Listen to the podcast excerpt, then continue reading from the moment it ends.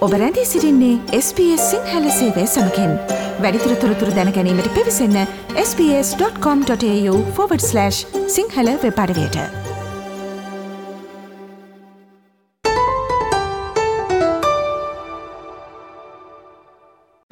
සතියේ ඔස්ට්‍රලියාවේ මධ්‍යම බැංකුවෙන් පොලි අනුපාත සයට දශම අටයි පහකින් ඉහළ දමනු ලැබවා. මෙම අගය දෙදා වසර සිට පල්මුවරට වසර විසි දෙකකට පසු ඉහළගේ විශාලම අගේ ලෙස සලකනු ලබනවා.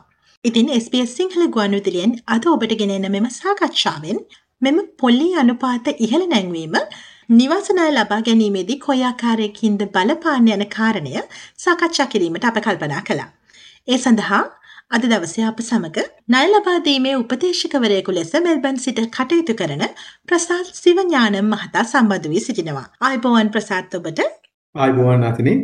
ප්‍රසාද් මම මුලින්ම ඔබකින් දැනගන්න කැමති මේ පවතින නිවාස ණය සම්බන්ධයෙන් මේ පොලි අනුපාත ඉහළ දැමීම බලපාන්නේ කොයි ආකාරයටද? ඔව අතිනි දැන්වා මේෂන් කරපු හැටියට බින්දුවයි දශම අටයි පහකින් පොලි අනුපාතය වැඩිවීමෙන් වෙන්නේ. දැ සාමාන්‍ය අපි බලමු කෑශ් රේට් එකක් කියන්නේ මොනවාද කියන එක. දැන් කෑශ් රේට් එක කියන්නේ සරලවම කියනවන බැංකුවල්ට රිසර්ව් බෑංක එකෙන් ණය ලබා ගන්න හැකි වෙන ඒ පොලි අනුපාතය.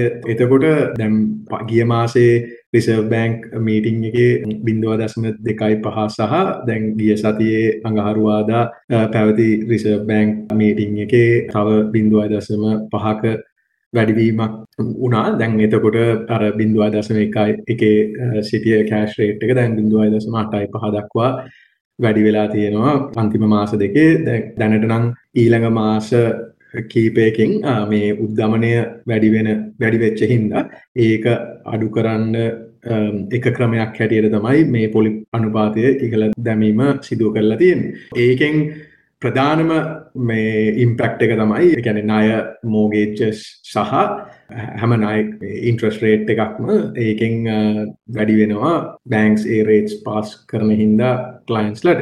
සාමාන්‍යයෙන් අපි ලක්ෂ පහක මෝගේජයක් තියෙන කෙනෙක්ට අවුරුදු 30ක ලෝන් එකක් නම් ප්ලස් පොලි ප්‍රින්සිපල් ප්ලස් ඉන්ට්‍රස්ට් රිපේමන්ට්ස් කරනවා නම් සාමාන්‍යයෙන් අපි ලක්ෂ පහක මෝගේජ් එකකට 0.5ක් වැඩි වෙන එකකින් හැම මාසෙම ගෙවන රිපේමන්ට් එක රෆ්ලි 136කින් වගේ වැඩි වෙනවා. ඒකම 0.2යි 5කින් වැඩි වෙනකොට ලක්ෂ 5ක මෝගේජ් එකකට ඩොලර් 68ක් වගේ වැඩි වෙන වීමක් තමයි වෙන්නේ. දැනට ඉදිරි මාස කීපයකට බිඳුවයි දසම දෙකයි පහකින් ඕ බිඳුවයි දසම පහකින් දැනට පවත්වන කෑශ් රේට් එක වැඩිවේගෙන යන ප්‍රඩික්ෂන් එකක් තමයි තියෙන්නේ එතකොට සාමාන්‍යයෙන් දැන් මම 2% වලට වගේ කෑෂ් රේට් එක වැඩි වුණොත් දැන් තියෙන රේට්ස් වලින් 2% තව වැඩි වුණොත් සාමාන්‍යයෙන් ලක්ෂ 5ක මෝගේජ් එකට ඩොලර් 600ක් වගේ වැඩිවීමක් තමයි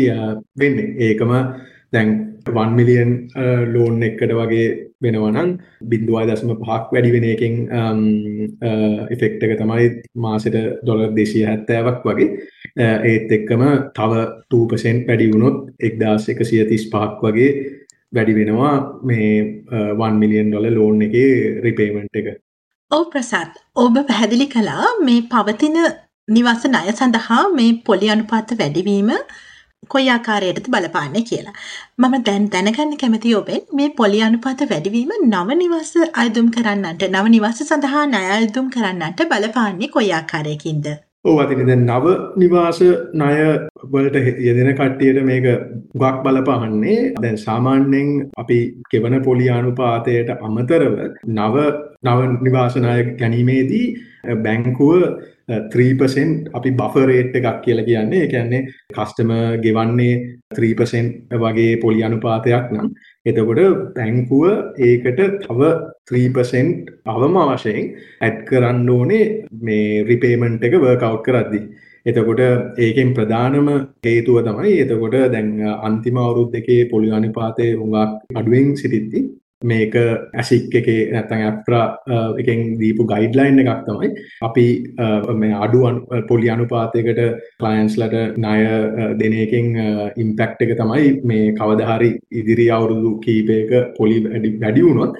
එතකොට ඒගොල්ලන්ට ඒ රිපේමන්ස් ගෙවා ගණ්ඩ අමාරු වෙන හින්දා ඒකට එක මෙෂ එකක් ඇතියට තමයි ඒ බෆරේට් එක ඉති ඒගෙන කෝවිඩ් වලට කලින් අපි මාර්තු දෙදස් විශ්ස වලට කලින් බැලුවොත්තේම ඒ හතයි දශම දෙකයි පහ කියන පොලි අනුපාතයට තමයි අලුත් නාය ගැනි ගනිද්දී බෆරේට් එක වර්කවු් කරේ. හැබැයි ඒක කෝවිඩ් එකත් එක්ක පොලි අනුපාතය අඩුවීමේදී මේ ඒගොල්ලම් ඩිසයිට් කරා හතයි දසම දෙකයි පහක් කියන්නේ ඒක හුඟක් වැඩි. පවතින එවෙලේ ඉන්ට්‍රස් රේට් සිබ්බේ සාමාන්‍යෙන් 2% 2.5% වගේ. එතකොට ඒක වෙනුවට කස්ටමර්ස්ලා ගෙවන රේට් එකෙන් 2.5 කියන බෆරේට් එකක් ඉන්ට්‍රඩියස් කරා ඒක 3% වගේ වැඩි කරා ගිය අවුරුද්දේ 2021 නොවැම්බර් මාසේ. එතකොට දැනටමත් ඒක පවතින බෆර් රේට් එක 3% කියන බෆර් රේට් එක තමයි. එතකොට ඒකෙන් අර නව හෝම් ලෝන්ස් ගනිද්දී ඉම්පැක්ට් වෙන දේ තමයි දැන් ඉන්ට්‍රස්ට් රේට්ස් වැඩි වෙද්දී ඒ 3% අපි කියන බෆර් රේට් එක ඇඩ් කරාම බොරොවින් කැපැසිටි එක සාමාන්‍යයෙන් කලින් ගණ්ඩ පුළුවන් ගානට වැඩිය ඒ බොරවෙන් කැපෑසිටිය එක සෑහැන ඉම්පෙක්් එකක් වෙනවා මේ පොලි පොල්වනි පාතය ඇම මාසම වැඩි වෙද්දි. එතකොට ඒ ඉම්පෙක්් එක තමයි අපි ප්‍රධානම රීසන්නක් හැටියට බලන්න ඕනේ මේ ඉන්ට්‍රස් රේට්ස් වැඩි වෙද්දි. ඔව් ප්‍රසාද් දැනට අනාවැකි පළවෙලා තිබෙන ආකාරයට තවදුරටත් මෙම පොලි අනුපාත වැඩි වුණොත් නිවාස වෙළඳ පොලේ තත්ත්වය කොයි ආකාරයක් ගනීවිද? ඔව් නිවාස වෙළඳ පොලේ තත්ත්වය ආතනි දැන් දැනටමත් ග්‍රෝත් රේට් එක එහෙම නැත්නම් වැඩි වෙන ප්‍රතිශතය අඩුවීමක් තමයි දකින්නට ලැබෙන්නේ. ඒත් එක්කම ඉදිරි මාස කිහිපයක පොලි අනුපාතය වැඩි වෙද්දී සාමාන්‍ය දෙයක් තමයි ඉන්වෙස්ටර්ස්ලා සහ අලුතෙන් ප්‍රොපටීස් ගන්න මේ මාකට් එකේ ප්‍රොපටීස් ගන්න බලන් ඉන්න ක්ලයින්ස්ලා සාමාන්‍යයෙන් පොඩ්ඩක් අඩුවීමක් වෙනවා. පොඩ්ඩක් ස්ටැබිලිටි එකක් හෝ ඉදිරියේදී තමන්ට මොන වගේ රිපේමන්ස් නැත්තම් මොන වගේ ආකාරයක සැලැස්මක් හදාගන්න පුළුවන්ද කියන එක දැනගන්නකත්.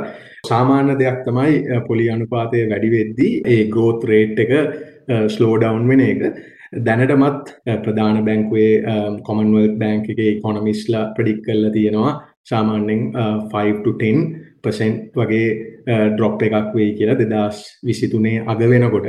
ඒකට ප්‍රධානම හේතුව තමයි පොලි අනුපාතය උද්ධමනය අඩු කරනකල් පොලි අනුපාතය වැඩිවීමක් සිදු කරන හින්දා ප්‍රොපටි ප්‍රයිසස් ඩ්‍රොප් වෙයි කියන මතේ තමයි හුඟක් ඉකොනමිස්ලා කියන්නේ දැන් එතකොට ඒක සාමාන්‍යයෙන් බලපාන්නේ ගැන තියට පහයි සියර දහයි අතර කියන ප්‍රතිශතය. ඒගොල්ලන් ඒ ස්ටෑන්ඩඩයිස්් පසන්ටේජ්ජක් හැටියට තමයි මෙන්ෂන් කරලා තියෙන්නේ. ඒක හැම සබ හරි ප්‍රයිස් රේන්ජ එක අනුව. ද සාමාන්‍යෙන් වික්ටෝරියාවල ලක්ෂහයකට අඩුවෙන් ප්‍රොපටියක් ගනිද්දී අර මුද්දර ගාස්තු අය කරන්න නැතිහින්ද සාමාන්‍යෙන් ලක්ෂහයකට අඩුවෙන් තියෙන ප්‍රොපටිස් ඉල්ලුම සෑහෙන්ට තියෙනවා. එතකොට පොලි අනුපාතය වැඩුවෙච්ච හින්දම ඒ ලක්ෂහයකට අඩු ප්‍රොපටීස් ප්‍රයිසස් ඩ්‍රොප් වෙයි කියලා කියන්න අමාරුයි. ඇත්තරම මේ උගක්ම බලපාන්නේ හයිරේන්ජගේ අපි කියන්නේ 1.5 මිල් 2 මිලියන් ප්ලස් ප්‍රොපටීස් වල. තන පොඩි ඩිමාන්ඩ් එකේ ඩ්‍රොප් එකක් අපිට දකින්නට ලැබෙයි මේ පොලි අනුපාතය වැඩිවීමත් එක්ක. දශකයක් පමණ පුරා ණය පිළිබඳ උපදේශකවරයෙක් විදියට කටයුතු කරන අත්දැකීම් වලින් තමන්ගේ පළමු නිවාසය මිලදී ගැනීමට සූදානම් වන ඕස්ට්‍රේලියාවේ ජීවත් වන අපේ ශ්‍රී ලාංකේය ප්‍රජාවට ඔබ ලබා දෙන උපදෙස කුමක්ද? ඔව් අතනේ දැන් ශ්‍රී ලාංකේය ප්‍රජාවට මම ලබා දෙන හොඳම උපදේශකය තමයි සාමාන්‍යෙන් පුළුවන්තරං මේ ඉන්ෆර්මේෂන් දන්න මේ ගැන වක් දැනුමක් තියෙන බැංකුවේ වෙන්න පුළුවන් නැත්තං ඉන්ඩිපෙන්ඩන්් උපදේශක වෙන්න පුළුවන්. ඉන්ෆර්මේෂන් දන්න කට්ටියත් එක මේ ගැන සාකච්ඡා කරන එක. ඒක මම කියන්න ප්‍රධානම හේතුව තමයි ෆස්ටෝම් බයස්ලට ගවන්මන්ට් එකෙන් දැන් සෑහෙන ගිය බජෙට් එකෙන් හා state budget plus federal budget එකෙන් හුවක් බෙනිෆිටස් නවන්ස් කරලා තියෙනවා. එතකොට ඒ බෙනිෆිටස් ඒවා ස්ටෑම් ඩියටි බෙනිෆිටස් වෙන්න පුළුවන් නැත්තං සාමාන්‍යෙන් සීමිත ගැන සියට පාකින් වගේ ඩිපොසිට් එක්කින් ප්‍රොපටි එකක් කෝමද ගන්න කියන වෙන්න පුළුවන්. ඒ හින්දා ඒ වගේ තියෙන බෙනිෆිටස් පුළුවන්තරං උපයෝගි කරගෙන හැකි ඉක්මනින් ප්‍රොපටි මාකට් එකට එන්ට වෙන එක තමයි සාමාන්‍යෙන් අපි දැන් එන්කරේජ් කරන්නේ. එතකොට ඒ බෙනිෆිටස් ගැන සම්පූර්ණ දැනුමක් තියෙන කන්සල්ටන්ස්ලා හරි හෝ බැංකුවේ වැඩ කරන ලෙන්ඩිං පැත්තෙන් දැනුමක් තියෙන කට්ටියගෙන් කතා කරලා දැනගන්න එක හොඳයි කියන එක තමයි මගේ අදහස. ෆස්ටෝම් බයස්ලට මට දෙන්න පුළුවන් ලොකුම අඩ්වයිස් එක තමයි තියෙන හැම බෙනිෆිට් එකක්ම කොයි වගේ බෙනිෆිට්ස්ද තියෙන්නේ. ඒකට තමන් පෙරසූදානම් වෙන්නේ කොහොමද කියන එක. ඒක ලෑන්ඩයක් කරංගයක් හදන්ඩ හෝ නැත්තං හදපු ගයක් ගනිද්දි තියෙන මොනාද බෙනිෆිට්ස් කියන ඉන්ෆර්මේෂන් ටික අහල දැනගැනීම තමයි මගේ බෙස් එඩ්වයිස් එක. ඕ ප්‍රසාත් අවසාන වශයෙන් මන් දැනගන්න කැමති තැනට ආයෝජනය කළ දේපලක් අපි කෙන ඉන්වස්මන්් ප්‍රපටිය එකක් කියලා. එහෙම ප්‍රපටි එකක් තියෙන කෙනෙක් එහෙම නැත්නම් ඉන්වස්මන්් ප්‍රපටිය එකක් මිලදී ගන්නට අදහස් කරන කෙනෙක්ට ණය පිළිබඳ උපදේශකවරයෙක් විදියට ඔබ ලබා දෙන උපදෙස කුමක්ද? ඕ අතිනි දැ ඉන්වස්මන්් ප්‍රොපටි එකක් දැනට ගනිද්දී තමන්ට හිතෙන්න්න පුළුවන් දැන් පොලි අනුපාතය වැඩි වෙනවා වැඩි වෙලා ඉදිරියටත් වැඩිවෙයි කියන අදහස තමයි තියෙන්නේ. ඒකට අමතරව ප්‍රොපටි අල ප්‍රයිසස් කලින් කිව් ආකාරයට සියයට පහකින් හෝ දහයකින් අඩුවේ කියන මතයකුත් තියෙනවා. දැන් මේවත් එක්ක ඉන්වෙස්ට්මන්ට් ප්‍රොපර්ටි එකක් ගන්න එක දැනට හොඳ අයිඩියා එකක්ද කියන එක සාමාන්‍යයෙන් අපේ සෑයන ක්ලයන්ට්ස්ලා අහන ප්‍රශ්නයක් තමයි. දැන් මේ ඉන්ට්‍රස් රේට්ස් පොලි අනුපාතය වැඩිවෙන එකෙන් ප්‍රධානම ඉම්පැක්ට් එක තමයි සාමාන්‍යෙන් ලක්ෂාටකට ගන්න පුළුවන් ප්‍රොපටි එකක්. අර බොරවින් කැපෑසිටි අඩු වෙනවා. අඩුමිල ප්‍රොපටි එකට යන එක. ඒත් එක්කම තමයි දැන් ඉන්වස්මන් ප්‍රොපටිස් කියල ගනිද්දී සමාර කට්ටය ගන්නවා investment properties tax minimisation strategy එකක් හැටියට. සමාර කට්ටිය ඉන්වස්මන් ප්‍රොපටිස් ගන්නේ cash flow property positive properties එතකොට ඒගොල්ලන් සාමාන්‍යෙන් ගන්නේ පොඩි ප්‍රොපටිස් රෙන්ට එකෙන්ම රිපේමෙන්ට් එක කව කරගන්න පුළුවන් හැකියාවක් තියෙනවගේ ප්‍රොපටිස් එතකොට ඒගොල්ලන්ට එච්චරම අදාළ නැති වෙනවා මේ පොලි අනුපාතය වැඩිවීම. අනිද්දේ තමයි මම දකින පොසිටව්මදේ ඉන්න මාකට් එකට විකුණන්ඩ එන ප්‍රොපටීස් ප්‍රමාණය සෑහන්ට වැඩිවෙයි හේතුව ඉගෙන ඊළඟ අවුරුද්ධ විකුණන්ඩ ඉන්න කට්ටිය ඒ ප්‍රොපටීස් දැම්ම මාකට් එකට දාන හින්ද ඒ සප්ලයි එක ඉංක්‍රීස් එකක් වෙයි කියන එක තමයි සාමාන්‍යෙන් අපි දකින විදියට මේ වගේ වෙලාවල් වල වෙන්න.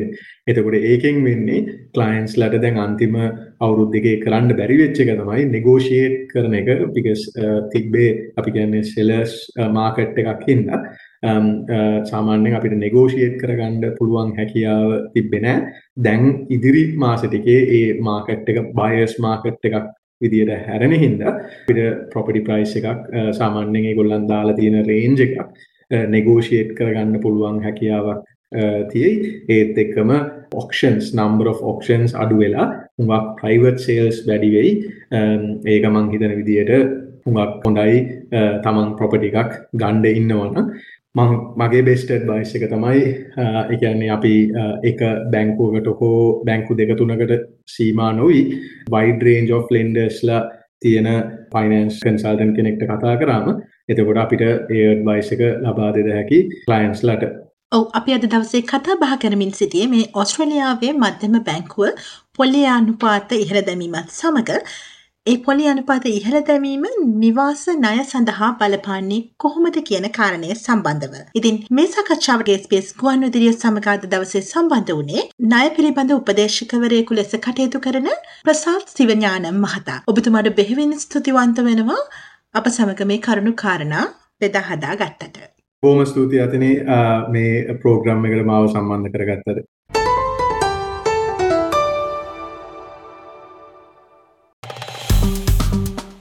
ලයි කරන්න ෂයා කරන්න අදහස් ප්‍රකාශ කරන්න SBS සිංහල ෆස්බුක් පිටුව ෆලෝ කරන්න.